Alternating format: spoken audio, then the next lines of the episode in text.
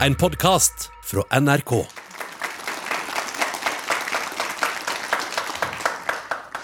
Hei, og velkommen til debatt i den norske bokbyen i Fjærland. Jeg heter eh, Lars Kvamme, og jeg hadde sommerjobb her sommeren 1998. eh, Og i dag så er jeg journalist i Bergens Tidende. Vi sitter på en scene som er omringet av bøker på en nedlagt fergekai innerst i det som må være en av Norges vakreste fjorder. Eh, Vi ser opp, i hvert fall vi som sitter på scenen, på flatbreen. Og det ligger fortsatt snø på toppene eh, av de grønnkledde fjellene som stuper ned i dalen og fjorden. Eh, det er rett og slett spektakulære omgivelser for en debatt. Jeg har lest litt i denne her, turbeskrivelsen til Henrik Krohn som heter 'Ei liti ferd fra Sogndal til Fjærland'. Og han skriver om de som ikke kan forstå hvordan han kan eh, hava hug til å reka kringum fjelli og asa seg ut fyre ingenting. Eh, så De som ikke kan forstå at han bare ville vandre rundt og lese i Naturis i bok, eller Den store boki til skaperen, som han kalte landskapet her. Eh, Og Når han kommer til Suppelledalen her inne, så bryter han ut i dikt og skriver om landskapet. Mot slikt et syn jeg kjenner meg som en dverg. Eh, og nå er det sånn at Vi har hatt Bokby her i 25 år. Eh, og både har kunnet kombinere Naturis i bok med eh, kilometer med bøker i eh, de forskjellige utsalgene her. Rundt meg på scenen her så sitter Marit Åkre Tennø, som er styreleder fra stiftelsen Den norske bokbyen. Hun er også varaordfører i Luster og politisk rådgiver i Noregs Mållag. Eh, Simone Stibbe hun er forlagssjef i Skall forlag, styremedlem i stiftelsen Den norske bokbyen.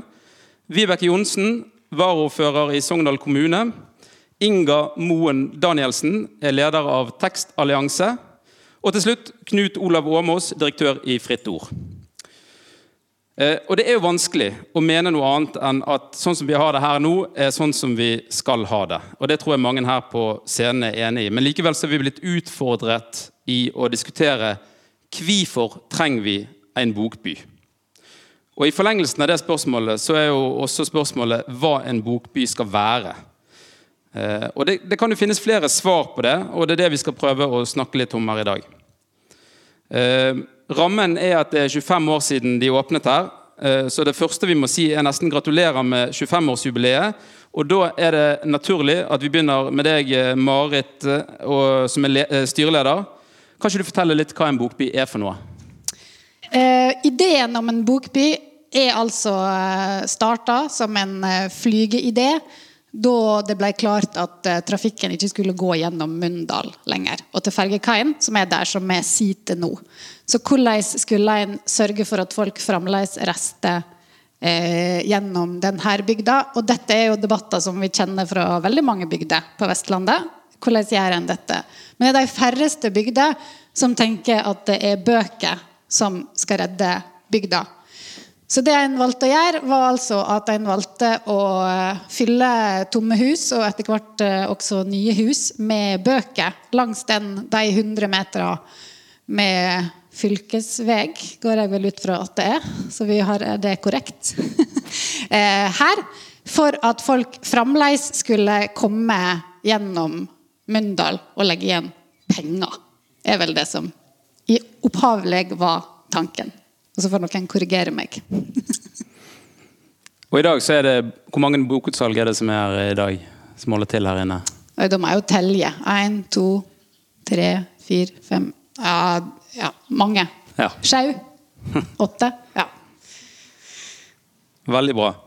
Eh, Inga Moen Danielsen, du er leder av Tekstallianse, som er et nettverk for litteraturfeltet på Vestlandet. Eh, dere ble stiftet i 2019. Eh, hva rolle tenker du at eh, Bokbyen kan spille i, i den sammenhengen, hvis du ser det sånn i, i sammenheng med litteraturfeltet på Vestlandet? Altså, for ethvert eh, kulturuttrykk så må det være aktører i et stort spenn for å få det nødvendige mangfoldet og den utviklingen som et kulturfelt trenger. Og Bokbyen med sitt helt unike uttrykk. Det er en utrolig viktig del av eh, den vestnorske litteraturfloraen, og dermed også det nasjonale Mm. litteraturfeltet. Mm. Eh, Simone, du er forlagssjef eh, i Skall forlag og styremedlem i stiftelsen. Men kan ikke du eh, fortelle meg litt om ditt eh, forhold til Bokbyen? Ja.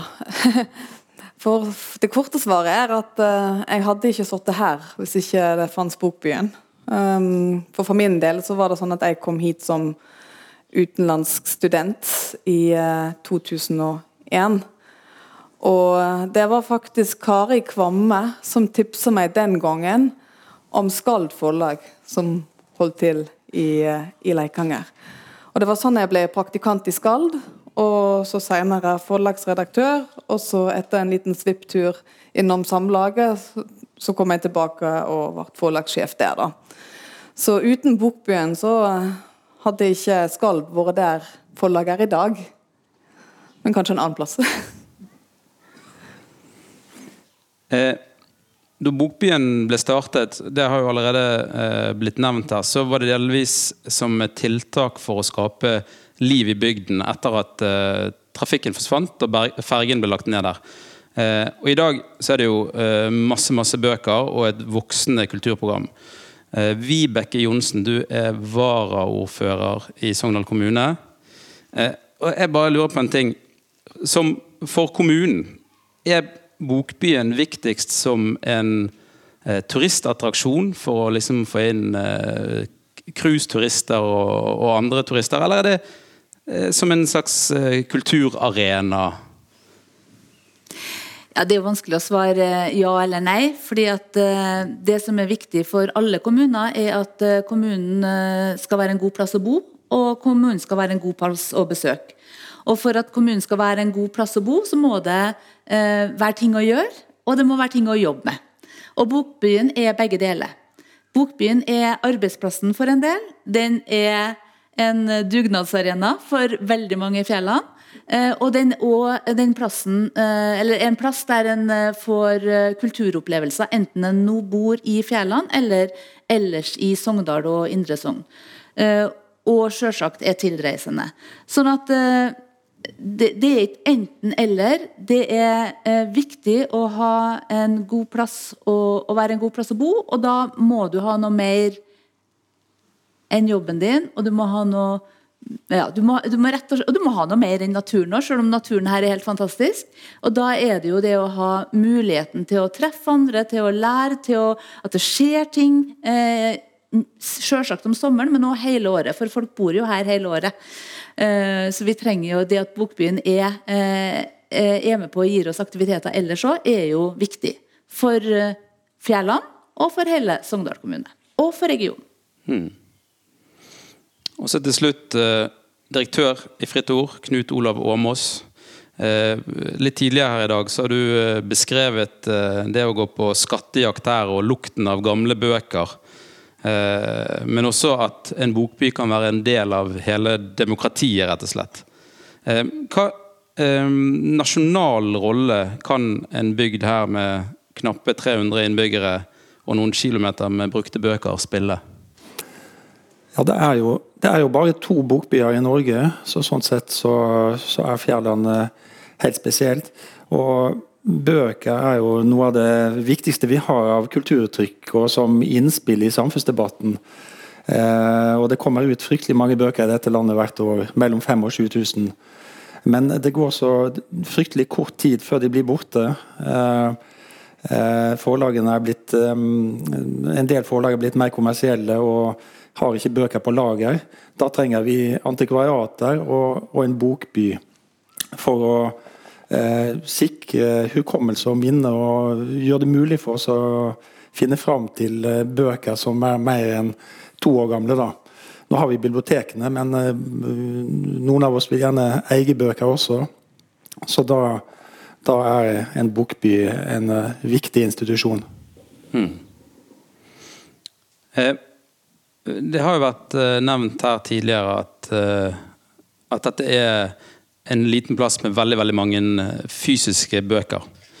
Eh, men vi er i en tid der i hvert fall mm, ganske mange i større grad lytter til lydbøker og leser e-bøker. Eh, og nå spør jeg litt åpent. Hvordan skal en bokby som er bygget opp rundt den fysiske boken, eh, ha en fremtid og treffe et yngre publikum?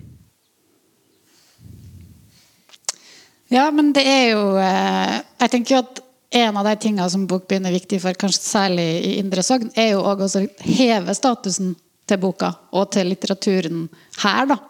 Fordi at, eh, fordi at Bokbyen er en plass som er veldig kjent, og det er veldig mange som reiser hit. Så den har jo liksom en sånn viktig funksjon som statushever òg. Og så den der skattejaktkjensla som en kan kjenne på her, eller den der boka som en en gang las da en var liten. Det er jo den samme skattejaktkjensla som egentlig er det å lese god litteratur. Det er jo en veldig sånn fin ting da med Bokbyen, syns jeg. Hmm. Um, hva tenker du? Ja, Knut Olav? Jeg tror papirboka langt fra er død. Eh, Det blir solgt eh, enormt eh, med papirbøker fortsatt. E-boka derimot stagnerer litt. Og det er interessant. Folk, også unge mennesker, vil gjerne lese bøker på papir fortsatt. Og ja, lydbøker er en konkurrent, riktignok, men det er med, det er noe med denne teknologien som har, som har holdt seg i over 500 år. Den kommer til å vare en god stund ennå. Vibeke? Det er noe med det fysiske, da. Med å ta i og holde i og, og kjenne på godt papir og se på god utforming. Så det er flere dimensjoner ved papirboka enn, ved, enn det du får på nett. Og så tror jeg at eh, ganske mange, i hvert fall etter det året her, eh, kanskje har fått nok skjerm. Eh, Så det å få veksle òg, for eh, det er en annen måte å, å ta til seg ordene på når, eh, når du eh, leser dem, enn når du eh, leser dem i papirboka. Og kanskje òg når, når eh, når du lytter til dem. Og når det gjelder akkurat det med i hvert fall en del av strømmetjenestene, så er de jo med på å forme hvordan litteraturen skal være òg. Og litteraturen skal være friere enn det at den skal inn i et bestemt format. Du kan ikke ha så mange eh, ha så mange eh, karakterer eh, i, ei- eh, strømmebok som du kan ha i det store, eh, eller i papirutgaven. Eh, så Det er jo noe av utfordringa med strømmetjenestene som jeg tror gjør at eh, papirboka har eh, en fremtid. Og så er det, er det denne muligheten altså det, er, det òg denne eh, eh, gleden av å ta i ting. Som jeg tror også unger og unge folk eh, liker. Og så er det mye lettere å oppdage det du ikke visste at du likte.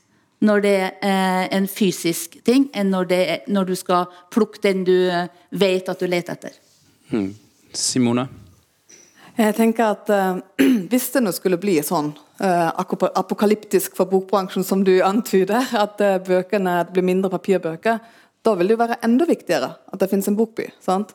Så, eh, og når vi snakker om lydbøker og e-bøker, eh, hva slags tidshorisont har vi egentlig? sant? Det er kanskje snakk om de siste ti åra. Lydbøker kanskje litt lenger tilbake i tid, men mange av de som fantes på CD, har jo forsvunnet og finnes ikke som, som filer. så så jeg tenker, um, også for å fortsette litt på det Knut, Knut, Knut Olav sa, at um, det blir alltid plass for en papirbok. I, en har jo spådd liksom, papirbokens døden da radioen kom, da TV-en kom, da internettet kom, uh, og også da e-boka kom. Og det har jo egentlig ikke skjedd, så jeg håper jo at den skal overleve, og da overlever også en bokby, tror jeg. La meg bare få legge til at jeg også er glad i den fysiske boken. Men jeg, eh, siden vi alle her tror jeg har en del felles eh, meninger, så prøver jeg å provosere litt for å få frem eh, litt eh, meninger. Eh, og jeg tenkte å fortsette litt i samme sporet, fordi at eh, en ting som jeg har registrert eh, Jeg holder på å flytte nå, og da eh, får jeg mye eh, ja, Det blir påpekt at vi har veldig mange bøker. Eh, spesielt i sånn flytteprosess så blir det veldig tydelig. Eh, og, og det som jeg har registrert, er jo at mange av de som er kanskje på min alder og litt yngre også Det virker som de har litt færre bokhyller, i hvert fall fremme i stuene sine, enn enn det eh, jeg vokste opp med. Eh, og, og så lurer jeg på eh? Og det, det, som, det, vi har gjort, er jo at vi har sendt masse kasser med bøker inn til Bokbyen. eh, og eh, kan det være sånn at eh, Bokbyen kan rett og slett altså få for mye bøker hvis folk tenker at det er så praktisk å få de inn her at, at man kan liksom drukne i den fysiske boken. Og i forlengelsen av det eh, er det verdt å bruke all den tiden her inne på eh, på det fysiske formatet sånn, og liksom å ha gode kataloger og sånne ting, eller skulle man heller brukt det mer som en kulisse? Altså Her på scenen så er det jo fullt av bøker som er brukt som en kulisse, og satset på eh, Bokbyen som mer en kulturarena. Vil gjerne ha eh, Bokbyen som eh, kulturarena, og den er det jo òg. Men det er jo eh, en, en, bokby uten bøker eh, er jo en sjølmotsigelse. Mm. Eh, og, og, den her eh, Det blir jo kanskje en møteplass, da. for de her, når de her En ting er du som har vokst opp med fysiske bøker i, i bokhylla, og kunne plukke og kunne lete og kunne oppdage ting. Mm. og Det kan folk gjøre i Bokbyen, uansett uh, årsak til at det ikke er bokhylla i den heimen de kommer fra. Uh, og Det tror jeg er et viktig sånn, ja, demokratisk uh, prosjekt for Bokbyen. Og det er òg viktig utjevnende sosialt. Mm. ja, Inga først. Ja, um, jeg tror det er veldig viktig at vi ikke lager en bokby som en kulisse, men at vi heller tenker at det, det, blir enda viktigere med en bokby med alle de bokhyllene når de bokhyllene ikke er i hjemmene. Og eh, jeg tror også det er litt viktig at vi ikke er redd for at um, at dette også handler om turisme, og at de to tingene skal på en måte være utelukkende for hverandre. Jeg vet at um, første gang jeg var i Bokbyen, det var da min franske venn fra Frankrike kom til Norge for første gang. Så tok han med seg meg til Bokbyen. Og ehm, jeg tenker at uh, hvis vi har turister som kjøper bøker mer som en suvenir, så er det jo en positiv effekt av Bokbyen. Selv om det kanskje ikke er med hensikt om å lese boka. Mm. Marit? Ja, altså Bokbyen er jo på en måte så mye forskjellig. og Vi, vi har jo laga jubileumsbok, som har blitt nevnt. og Um, altså, sånn som For meg så har jo Bokbyen som har jobba her, så jo, handler jo Bokbyen om veldig mye den der magien som en opplever en fantastisk sommer og alt det der, og få lest bøker og sånn. Men jeg ble, etter å ha lest denne boka, så ble jeg jo òg mye mer sånn oppmerksom på de andre tinga som Bokbyen er. fordi det er jo selvfølgelig en viktig del av Bokbyen og ungdommene som har vært her. og liksom være litt sånn der, Ligge og lese og se på fjorden og ja, alt det der er fint. Men den er jo òg en plass der folk finner eh, ting som de trenger til forskning, til bøker som de skal skrive. altså Den tar på en måte vare på ting som eh, en ikke visste at noen trengte. Mm. Og den er jo en plass der bøker, og ikke bare bøker, men altså eh, eh Einar Økland skriver jo om altså, timeplaner, altså papir, ting av papir. Mm. som folk samler på eller trenger. Eller, den jo, det er en fin plass å, å, kunne ta vare på de tinga. Og så Selv om jeg syns det er viktig at, uh, at Bokbyen Eller at, at, det skal være rett at vi kan drive med kultur for kulturens egen del i Bokbyen, så kommer vi jo ikke vekk fra at den finnes i ei fysisk bygd der det bor folk, som en vil at fremdeles skal bo her. Ja. Hmm. Knut Olav? Ja, Du satte meg på en idé i sted. Er det mulig å sende bøker hit, altså? Når man flytter eller, når man flytter eller pusser opp? Jeg har så mange Både leiligheten og kjellerboden for full av bøker. Uh, men jeg er ikke sikker på om det er i ferd med å bli noe stort problem at eh, folk under 40 ikke har bøker hjemme. Kanskje i denne overfloden av bøker som vi ser i samfunnet i dag, så er man bare blitt litt mer kritisk og vil ha de bøkene som betyr noe for en, eh, tilgjengelig. Eh, sånn har i jeg tenkt å tenke nå når jeg skal pusse opp leiligheten. Beholde de som virkelig betyr noe. Og Da er det jo fint å ha, en, ha et sted å, å, å avhende resten. og ja, Det var interessant det eh, skoleelevene her fra Fjærland nevnte eh, under åpningsarrangementet om eh, miljødimensjonen ved gjenbruk eh, som en bokby representerer. da. Den, eh, den må vi òg snakke om. Eh, absolutt. Eh, I tillegg så er jo Bokbyen eh, Det har den utjevnende dimensjonen som noen nevnte her. Bøker er ganske dyrt i dag. En, en eh, tynn roman koster gjerne 400 kroner. Her kan en få god litteratur ganske billig. I, og hundretusenvis å, å velge mellom. Så, sånn sett så er Bokbyen eh, en utjevnende institusjon, i tillegg til bibliotekene, da, som har, enda lavere terskel fordi alt er gratis. Men, eh, men det er et interessant poeng, det med sosiale dimensjonen ved å kjøpe bøker. Simone? Jeg, um, jeg tenker også at eh, Bokbyen må for all del ikke bli en kulisse for uh, noe annet. Men uh, Bokbyen kan være en kulisse til å finne den roen og, og kanskje finne tilbake til boka. Sant? Jeg merker hver gang eh, når jeg kommer hit og Jeg jobber jo i forlag, så jeg leser jo mange bøker. Det er jobben min, men eh, det er jo ikke mye tid jeg får til å lese bøker på fritida. Men når jeg kommer hit, da får jeg roen. Og jeg får gått rundt, og jeg får bladd, og jeg får lest. Og da tar jeg med meg noen bøker, og så blir de liggende på nattbordet til jeg har kommet meg gjennom den, den haugen. Så jeg tenker eh, en, en levende kulisse Mm. eh, ville være riktig, tror jeg. Som kan liksom skape rom for alt mulig rundt litteratur og kultur. NRK P2 sender aktuelle debatter fra ulike scener i landet. Du hører Debatt i P2. Eh, En annen ting som eh, jeg har eh, grublet litt på eh, i sånn, i, også i min egen søken etter bøker som jeg har vært på jakt etter, er jo at eh, eh, Nasjonalbiblioteket har jo eh, en fantastisk nettside hvor veldig mye er digitalisert. Eh, og, eh, og flere har vært inne på dette at i Bokbyen så finner du liksom hele bredden. Du finner mer enn bare det som er på et antikvariat, som gjerne er mer sånn kuratert og, og spesielt verdifulle bøker. Men litt av det finner du jo også på, i, den, i det digitale formatet.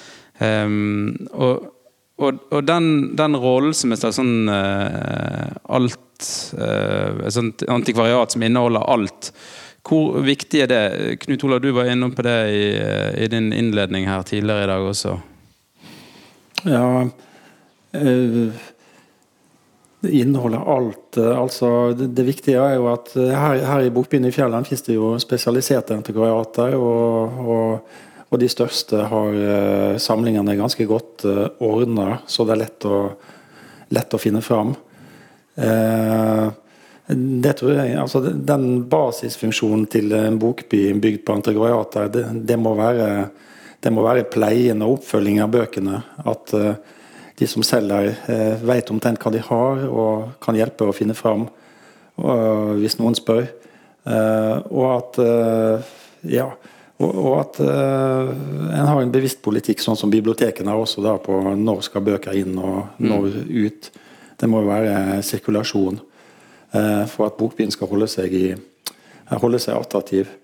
Eh, men jeg tror altså, det er fint med debatter og seminarer og sånt. Det er veldig viktig eh, rundt Bokbyen og rundt litteraturfestivalelementene her. Men, men det aller viktigste er kjernen. Det er bokutsalgene og hvordan de blir pleid og kuratert, som du sier. Simone? Jeg, jeg, jeg tenker er ikke det det som er så fint med bokbunnen, at sirkulasjonen er ganske saktegående her? Eh, det har jo på en måte bare blitt flere og flere bøker og flere og flere kilometer opp gjennom, gjennom tida, og så er jo bokbuen sikkert også avhengig av å få, få ting ut. Men jeg tenker det som er litt fint, er at eh, det dukker stadig vekk opp nye plasser en kan putte bøker, og så unngå å kaste de. Og, og det er det som gjør kanskje at eh, du kan komme hit og eh, finne det som du ikke finner noen plass, annet enn kanskje at det står at det finnes på Nasjonalbiblioteket en eller annen plass. Men det er jo Nasjonalbiblioteket er jo faktisk en av de største kundene her i Bokbyen, eh, så, så de, eh, de har jo nytte av en bokbu sjøl. Så, så jeg tenker den, det, det er viktig at den sirkulasjonen ikke blir for rask. Um, mm.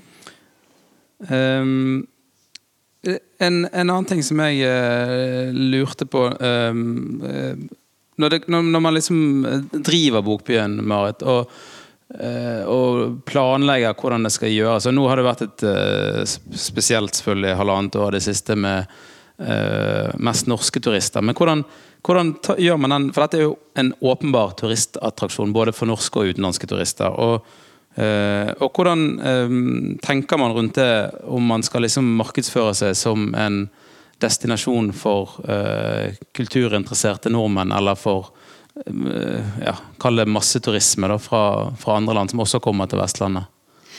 Nei, vi fikk jo testa det i fjor, da. Mm. og det ga jo et relativt interessant resultat, fordi fjoråret var jo en veldig kort sesong. Eh, og det var en sesong med bare nordmenn. Nesten bare nordmenn. Eh, og de som jobba i Bokbyen, sa jo at det var, altså det var min, altså tydelig mindre folk i Bokbyen enn det er en vanlig sommer. Men det var all time high salg. Og det sier jo noe om hvem er det som kommer til Bokbyen. Jo, det er den norske turisten. Altså vi har mest sannsynlig relativt lite å hente på utenlandsk masseturisme. Bortsett fra at de selvfølgelig legger igjen penger på Joker og på hotellet eh, og i, eh, på Bremuseet. Så altså, selve bokutsala er eh, Hovedkunden der er norske turister. Mm. Mm. Um, og hvordan, um, hvordan hva, hva, trenger eh, bygden, eller hva trenger Bokbyen for å klare å tiltrekke seg de fremover, tror du? Ja, jeg tenker jo at det det at alle skulle til Norge i fjor, hjalp jo litt. Mm. alle de som alltid har tenkt å ja, det var Bokbyen vi skulle vært innom. Eh, men det er klart, den eh, avgrensa hvor mange år en klarer å eh, hente inn folk eh, på den effekten. Eh, men en må jo være synlig, da, og så må en jo tenke at en skal utvikle seg, tenker jeg. Eh, og at det skal fremdeles være attraktivt å komme hit år etter år. Ja. Mm. Eh, ja. Eh, først Inga. Ja, Du sa jo innledningsvis at Tekstallianse er en eh, regional litteraturorganisasjon for Vestlandet. Og når eh, vi satte i gang det, så starta det arbeidet i Bergen. Og det aller eh, første grepet eh, jeg så at var viktig å ta da, det var å engasjere regionale prosjektledere. Um, og grunnen til det, det er at uh, Vestlandet er ikke én ting som med ett behov som um, kan dekkes med et perspektiv fra Bergen. Det å sitte i Bergen og tro at uh, vi, kan gjøre, vi kan løse alle utfordringene i hele Vestlandet, det blir litt som å sitte i Oslo og tro at man alene kan løse utfordringene i hele landet. Så um, vi fikk med oss uh, på laget um, Janne Karin Stølen fra Rom for ord, som er et uh, slags distriktsversjon av et litteraturhus som beveger seg rundt i regionen, og som uh, jobber veldig tett på miljøet her i det tidligere Sogn og Fjordane. Og eh, Det er et grep som eh, nettopp handler om å prøve å få definert hvilke behov som finnes, og så at vi deretter kan eh, forsøke å hjelpe til å bidra til å løse de. Og dette arrangementet i dag med eh, denne samtalen er et veldig viktig første steg i den retningen. Mm. Vibeke? Eh, ja, det, det, er jo sånn at det, det, er jo veldig få som kjører gjennom Mundal. Eh, de skal til de gårdene og de stedene som er, er litt lenger ut her. Så, så, det betyr jo at uh, dem, de aller fleste som er i Bokbyen, de har reist litt. Uh, og da må det være mer enn en bokby. Det må i hvert fall være muligheten til, til mat og drikke. Eh, fordi at eh, det er eh, Du stikker ikke du er ikke i Bokbyen bare ei veldig kort stund. Eh, og når du har et annet tilbud, så er det jo større sjanse for at folk blir her lenger, og at en tar den lunsjpausen eller den middagen. Og det er viktig eh, for eh, folket som bor i fjellene, og uten folket i fjellene så blir det noe bokby. Som Marit òg har sagt. Og, og, da er det jo sånn at når vi har hatt det her koronaåret, da, så har jo virksomheter i fjellene vært eh, frampå og, og gode til å søke om de her koronamidlene som har Eh, komme fra, fra statlig hold, og som vi er glad for eh, at også virksomheter i, i Fjærland har fått. For det er med på å utvikle et tilbud både for lokalbefolkninga og vi som bor ganske tett på, og som kan være her ofte, og dem som er her bare innimellom, eller eh, nesten må ha sommerferie for å ha muligheten til å komme til Fjærland. Så, så, det må være mer enn en Bokbyen, eh, for de aller fleste skal, må være her litt. Hmm. Eh, og det er jo det som er stas òg. Det er stas å, å, å, gå seg sulten. Eh, og leite seg tørst eh, i Bokbyen med, med den lukta av bøkene som du snakka om. Eh, og så, så, er vi her litt lenger. Mm. Eh, og det nyter hele fjellene godt av. Mm. Marit? Ja, jeg vil bare litt inn på det som Inga sa. fordi jeg har veldig tro på den jobben som dere gjør. Og uh, Sogn og Fjordane er jo nå plutselig en del av et nytt fylke. Eh, og da møter vi jo eh, på en måte nye folk og andre måter å tenke om kultur enn det en var vant med i Sogn og Fjordane. For jeg tror at i Sogn og Fjordane har en tradisjonelt eh, tenkt på en måte kultur for å oppnå et eller annet annet. Altså kultur som næringsutvikling eller kultur som bygdeutvikling. Mens eh, for meg og Marianne, som er daglig leder her, så var jo egentlig litt det der første møtet med Vestland fylke litt interessant. Fordi det var, det var de helt uinteressert i. De var interessert i hva vi drev med, hva, ja, hva vi drev med for kulturens del. Og det at det kan være noen sånne regionale nettverk, for det har en jo veldig tradisjon på for alle andre felt i fylket og i regionene. altså nærings, altså alt, At en plutselig kan begynne å tenke eh, på den måten og på kulturfeltet, tror jeg er superviktig. Og fordi at en sitter jo her helt alene. Og det er det ganske mange som gjør. Så mm. jeg er veldig glad for at uh, Tekstilalliansen fins, da. Ja. Og den jobben de gjør. Mm. Mm. Eh, Knut Olav? Jeg, jeg, tror ikke vi skal være så redd for å snakke om ringvirkninger av kulturen. altså den, den, Det enkelte uttrykk og sjanger er jo ikke til for seg sjøl.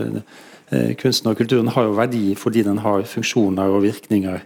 Og så kan en del politikere av og til dra det litt for langt, da, at det blir instrumentelt.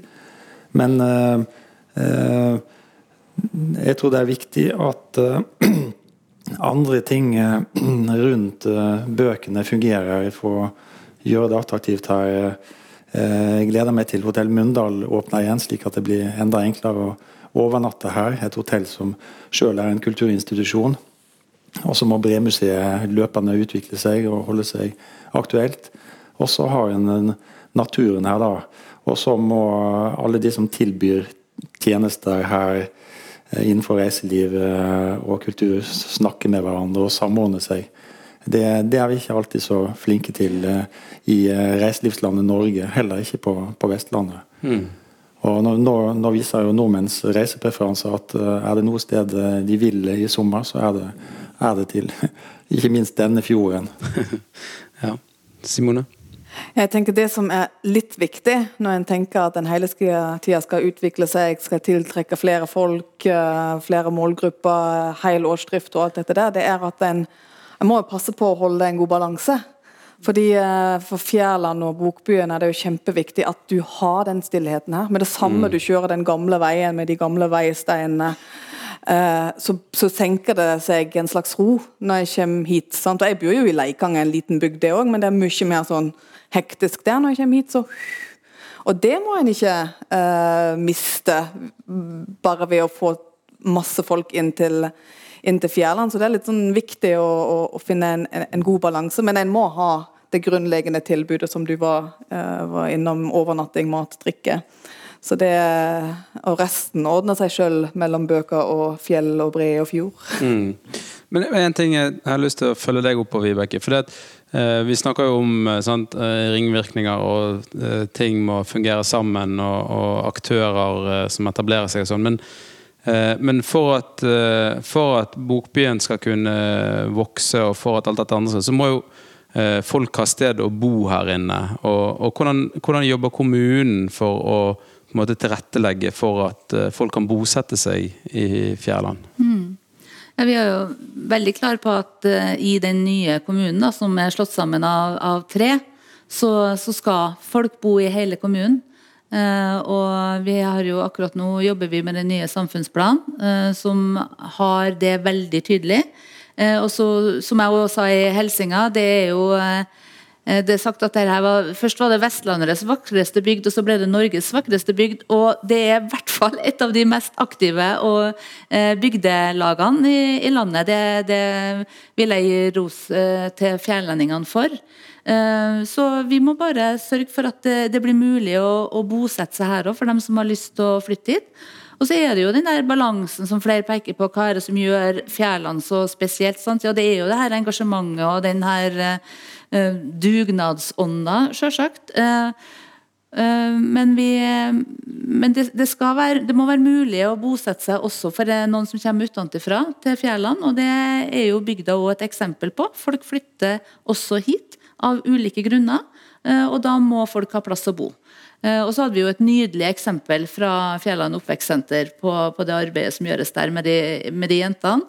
Sånn at, at Fjærland er et godt, eh, et godt lokalsamfunn. Det er viktig for Sogndal kommune. Og da må også boliger være på plass. Ja, Marit? Ja, jeg kan bare legge til at når Viktor Nordmann kom med det her distriktsdemografiutvalget sitt, så var jo et veldig viktig poeng der er jo at eh, for at eh, det blir færre folk på bygdene, sånn at da må en jo få folk fra byen til å flytte til bygda. Og et viktig moment er det han kaller for rural eksponering. Og Bokbyen i Fjærland har jo i hvert fall vært nettopp akkurat det. Både meg og Simone er jo ikke herifra. Vi er ikke fra fylket engang. Vi bor her fordi vi har jobba i Fjærland. Og sommeren 2001 så er det altså seks stykker som bor i Indre Sogn pga. at de jobber i Fjærland. Og det er på en måte det er rural eksponering. Det er derfor vi bor her. Så det har en jo lykkes med. Så det har vi jo viktig i Fjærland. Ja. Så flere sommervikarer i Bokbyen, rett og slett. Det er et slags uh, tiltak.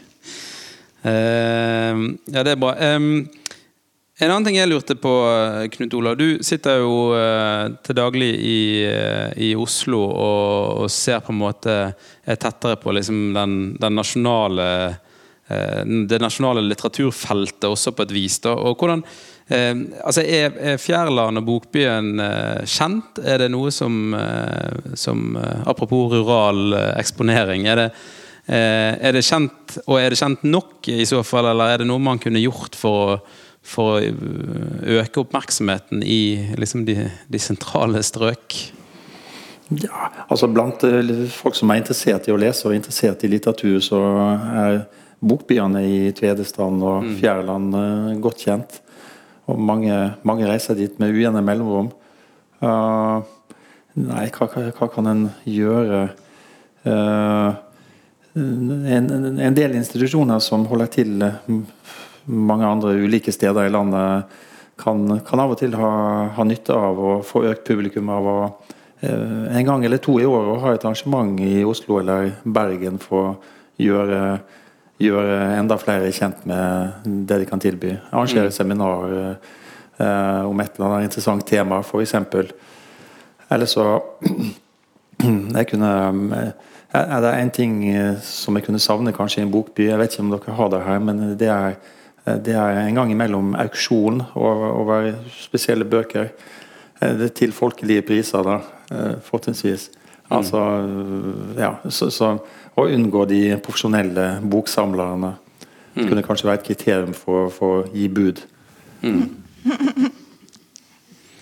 Eh, det, eh, vi har vært inne på det. Det finnes jo to eh, bokbyer eh, i Norge, eh, her og i Tvedestrand. Eh, er, det, er, det, er det plass til to bokbyer i Norge? Er det, eller tar man liksom fra hverandre? Hvordan ser man på det? Ja, Simone? Nei, ja, det tror jeg absolutt. Det er plass til flere. Ja. Eh, vi kan godt ha eh, en bokby i hvert fylke, eller i hvert fall i hver region. For jeg tenker at eh, I Europa har en jo sett at det, det finnes jo etter hvert ganske mange bokbyer. Alt basert på den første i Wales. Um, og jeg tror på en måte at en kan bli litt sånn hekta på å reise til de ulike bokbyene. Sånn var det iallfall med meg. Da jeg var i Nord-Italia, så måtte jeg liksom finne denne vesle bokbyen oppå en fjelltopp langt unna der nesten ikke denne ja, legebil, vesle legebyen kom opp. Den måtte jeg finne. Da var det tre bokhyller eller noe sånt, og et utsalg som var stengt. Men gud, så gøy det var å oppdage den plassen der. Mm. Så jeg tror det er plass til mange flere. Ja, Inga? Jeg er helt enig. Det, vi må aldri tenke på en bokby i konkurranse med en annen bokby. Vi har, um, vi har bruk for uh, alle de helt unike stedene der vi kan oppdage bøker. Og jeg tror det er liksom viktig at um, vi husker, husker, på at um, alle kunstuttrykk de har uh, ulike retninger. Og, og vi er avhengig av alle, alle Vi har noen som jobber mer populistisk. Noen er mer konserverende, noen er mer eksperimentelle. Og vi har nesten alle kunstuttrykk jobber også stedspesifikt. Og vi trenger alle de. Og alle disse formene har ulik økonomi, eh, ulik grad av eh, behov for eh, tilskudd og ulik grad av inntjening. Men alle er gjensidig underbyggende. Så vi kan ikke på en måte tenke at det er noe av det som er i konkurranse med hverandre. Det er en del av et økosystem som eh, er avhengig av hverandre. NRK P2 sender aktuelle debatter fra ulike scener i landet. Du hører Debatt i P2. Uh, en ting jeg uh, har tenkt litt på, for Nå sitter vi jo her på et arrangement som kalles Boknatten. Uh, selv om det er midt på dagen akkurat nå. men uh, og vanligvis, under normale omstendigheter, så har jo dette vært en kveld der fergekaien har vært fullt av telt som har hatt bokutsalg og matutsalg og ulike kulturarrangementer. I, og, og, de siste årene så har jo eh, Bokbyen også hatt flere sånne eh, kulturarrangementer gjennom året også eh, på ulike arenaer her.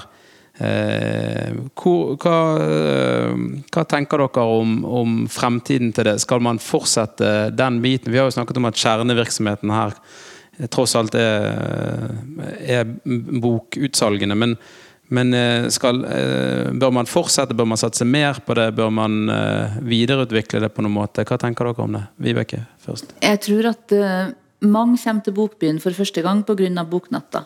Mm. De ser et arrangement som de blir nysgjerrig på, og så, og så er det òg en måte å trekke dem de, de, av oss som ikke bor så langt unna, eh, tilbake litt oftere. Eh, så jeg tror Boknatta er et viktig, viktig arrangement.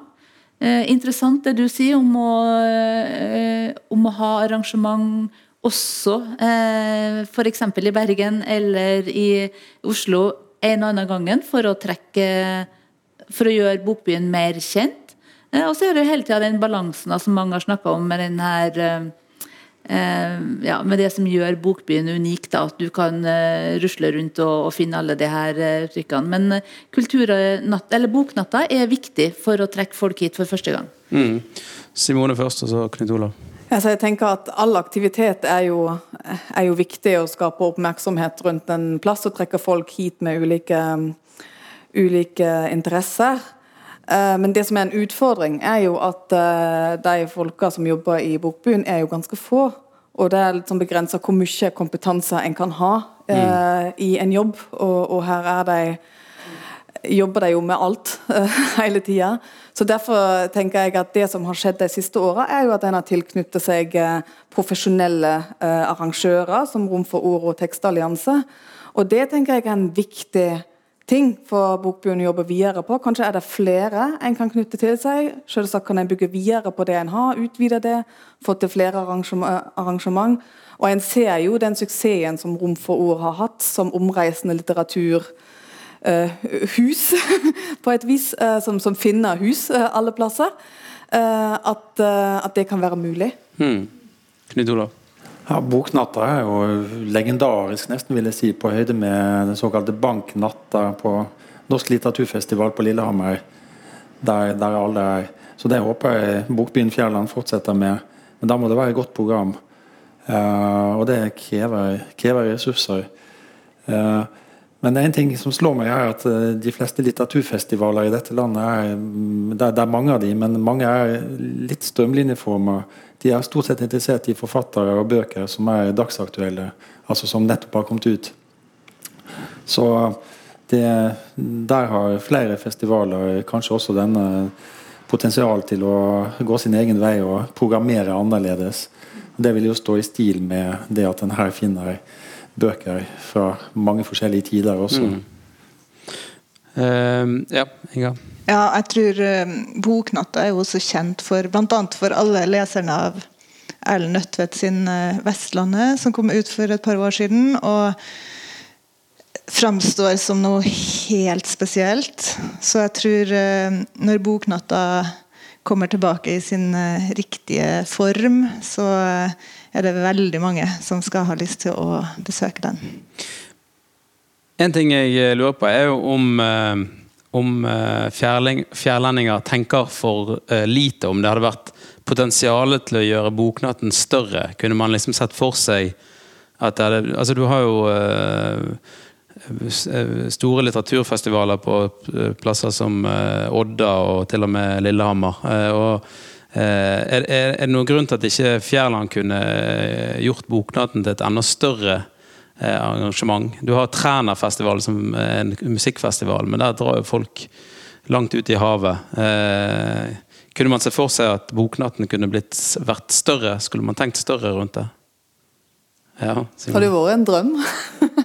om en hadde fått det, uh, det, til. Og jeg tror egentlig ikke at det mangler på ambisjonsnivå her i Fjærland i det hele tatt. Det er uh, at det er en liten bygd, det er ikke Lillehammer. Uh, og for så vidt Træna er jo et godt ek eksempel at det likevel går an. Men her blir jo folk brukt om og om igjen i alle mulige mm. dugnader, og en står nå på hele året rundt.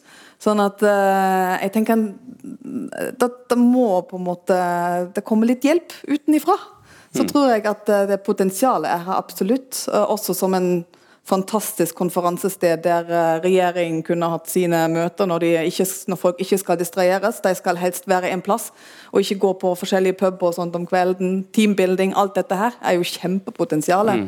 i, i Fjærland. Men det er litt sånn begrensa hvor mye eh, en liten bygd kan klare å få til. De har jo fått til enormt mye allerede, som mange andre bygder ikke har klart. Mm.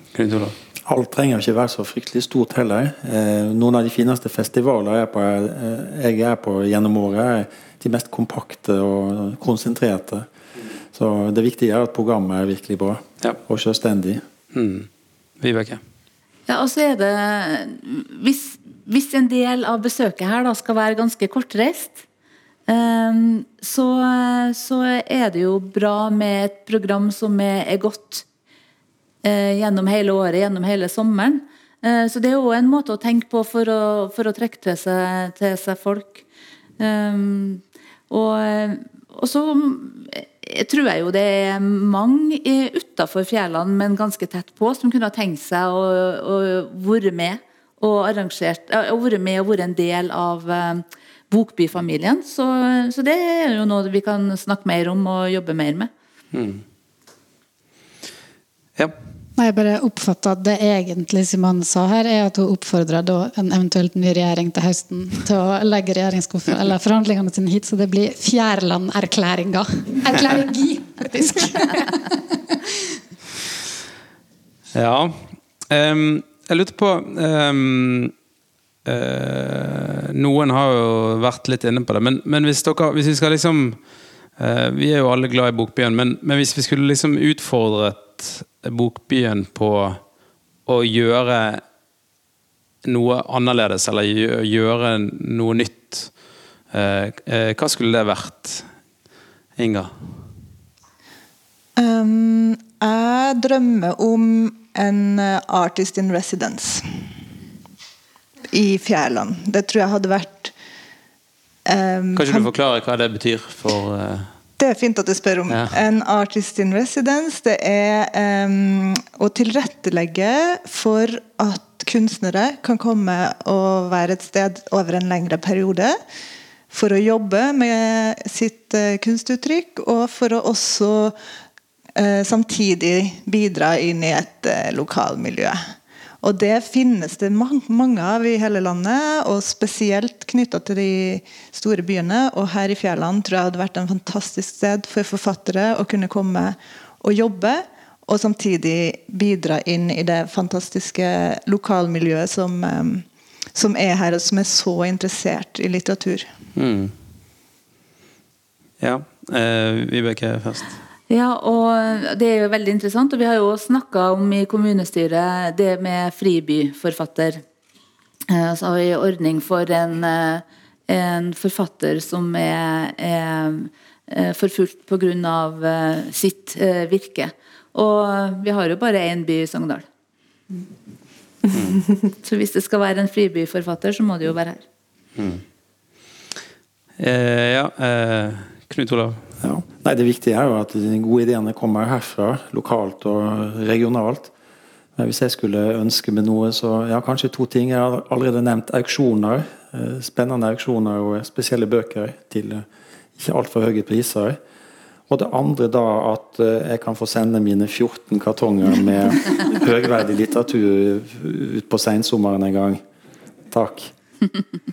Ja, Simone. Jeg, jeg tror det, Da må du nesten kjøre sjøl, da. For å få med deg litt igjen. komme. Jeg skal kommer, kommer med det. Ja.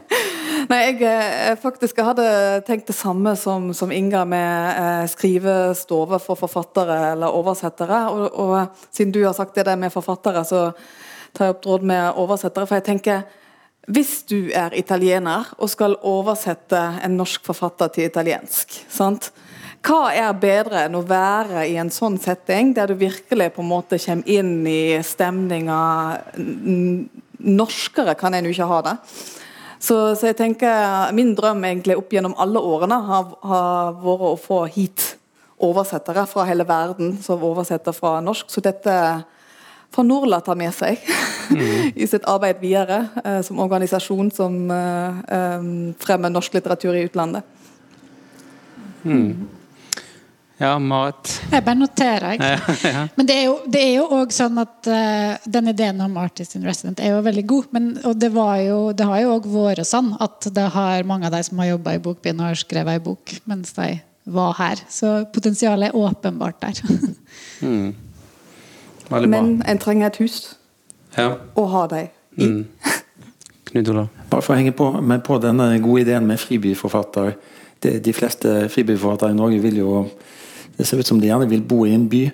Eh, Men det Bokbyen i Fjærland kunne gjøre, var jo å ta kontakt med Norsk Penn og Icorn i Stavanger og invitere alle de norske fribyforfatterne til opphold her. Så kunne en prøve å skaffe stipend. For det, det tror jeg vil være lettere å få til og mer attraktivt også for en del av de. Et, en, en måned her, f.eks.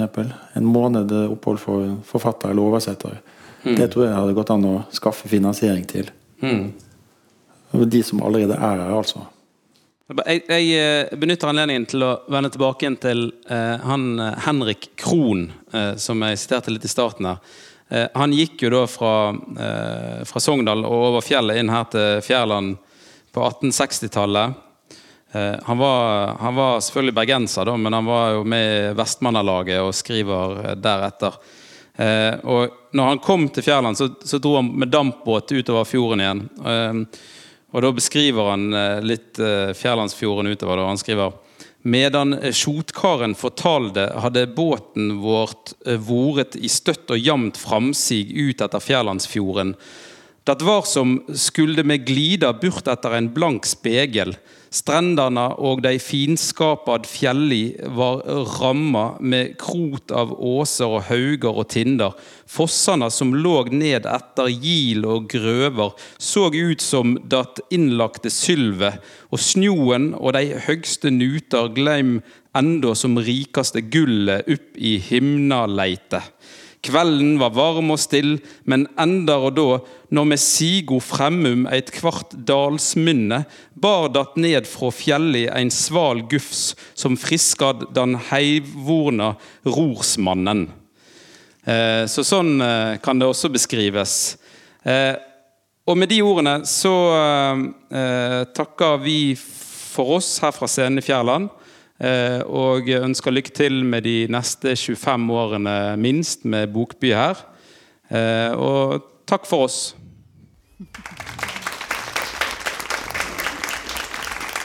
Du har hørt en podkast fra NRK. Hør flere podkaster og din favorittkanal i appen NRK Radio.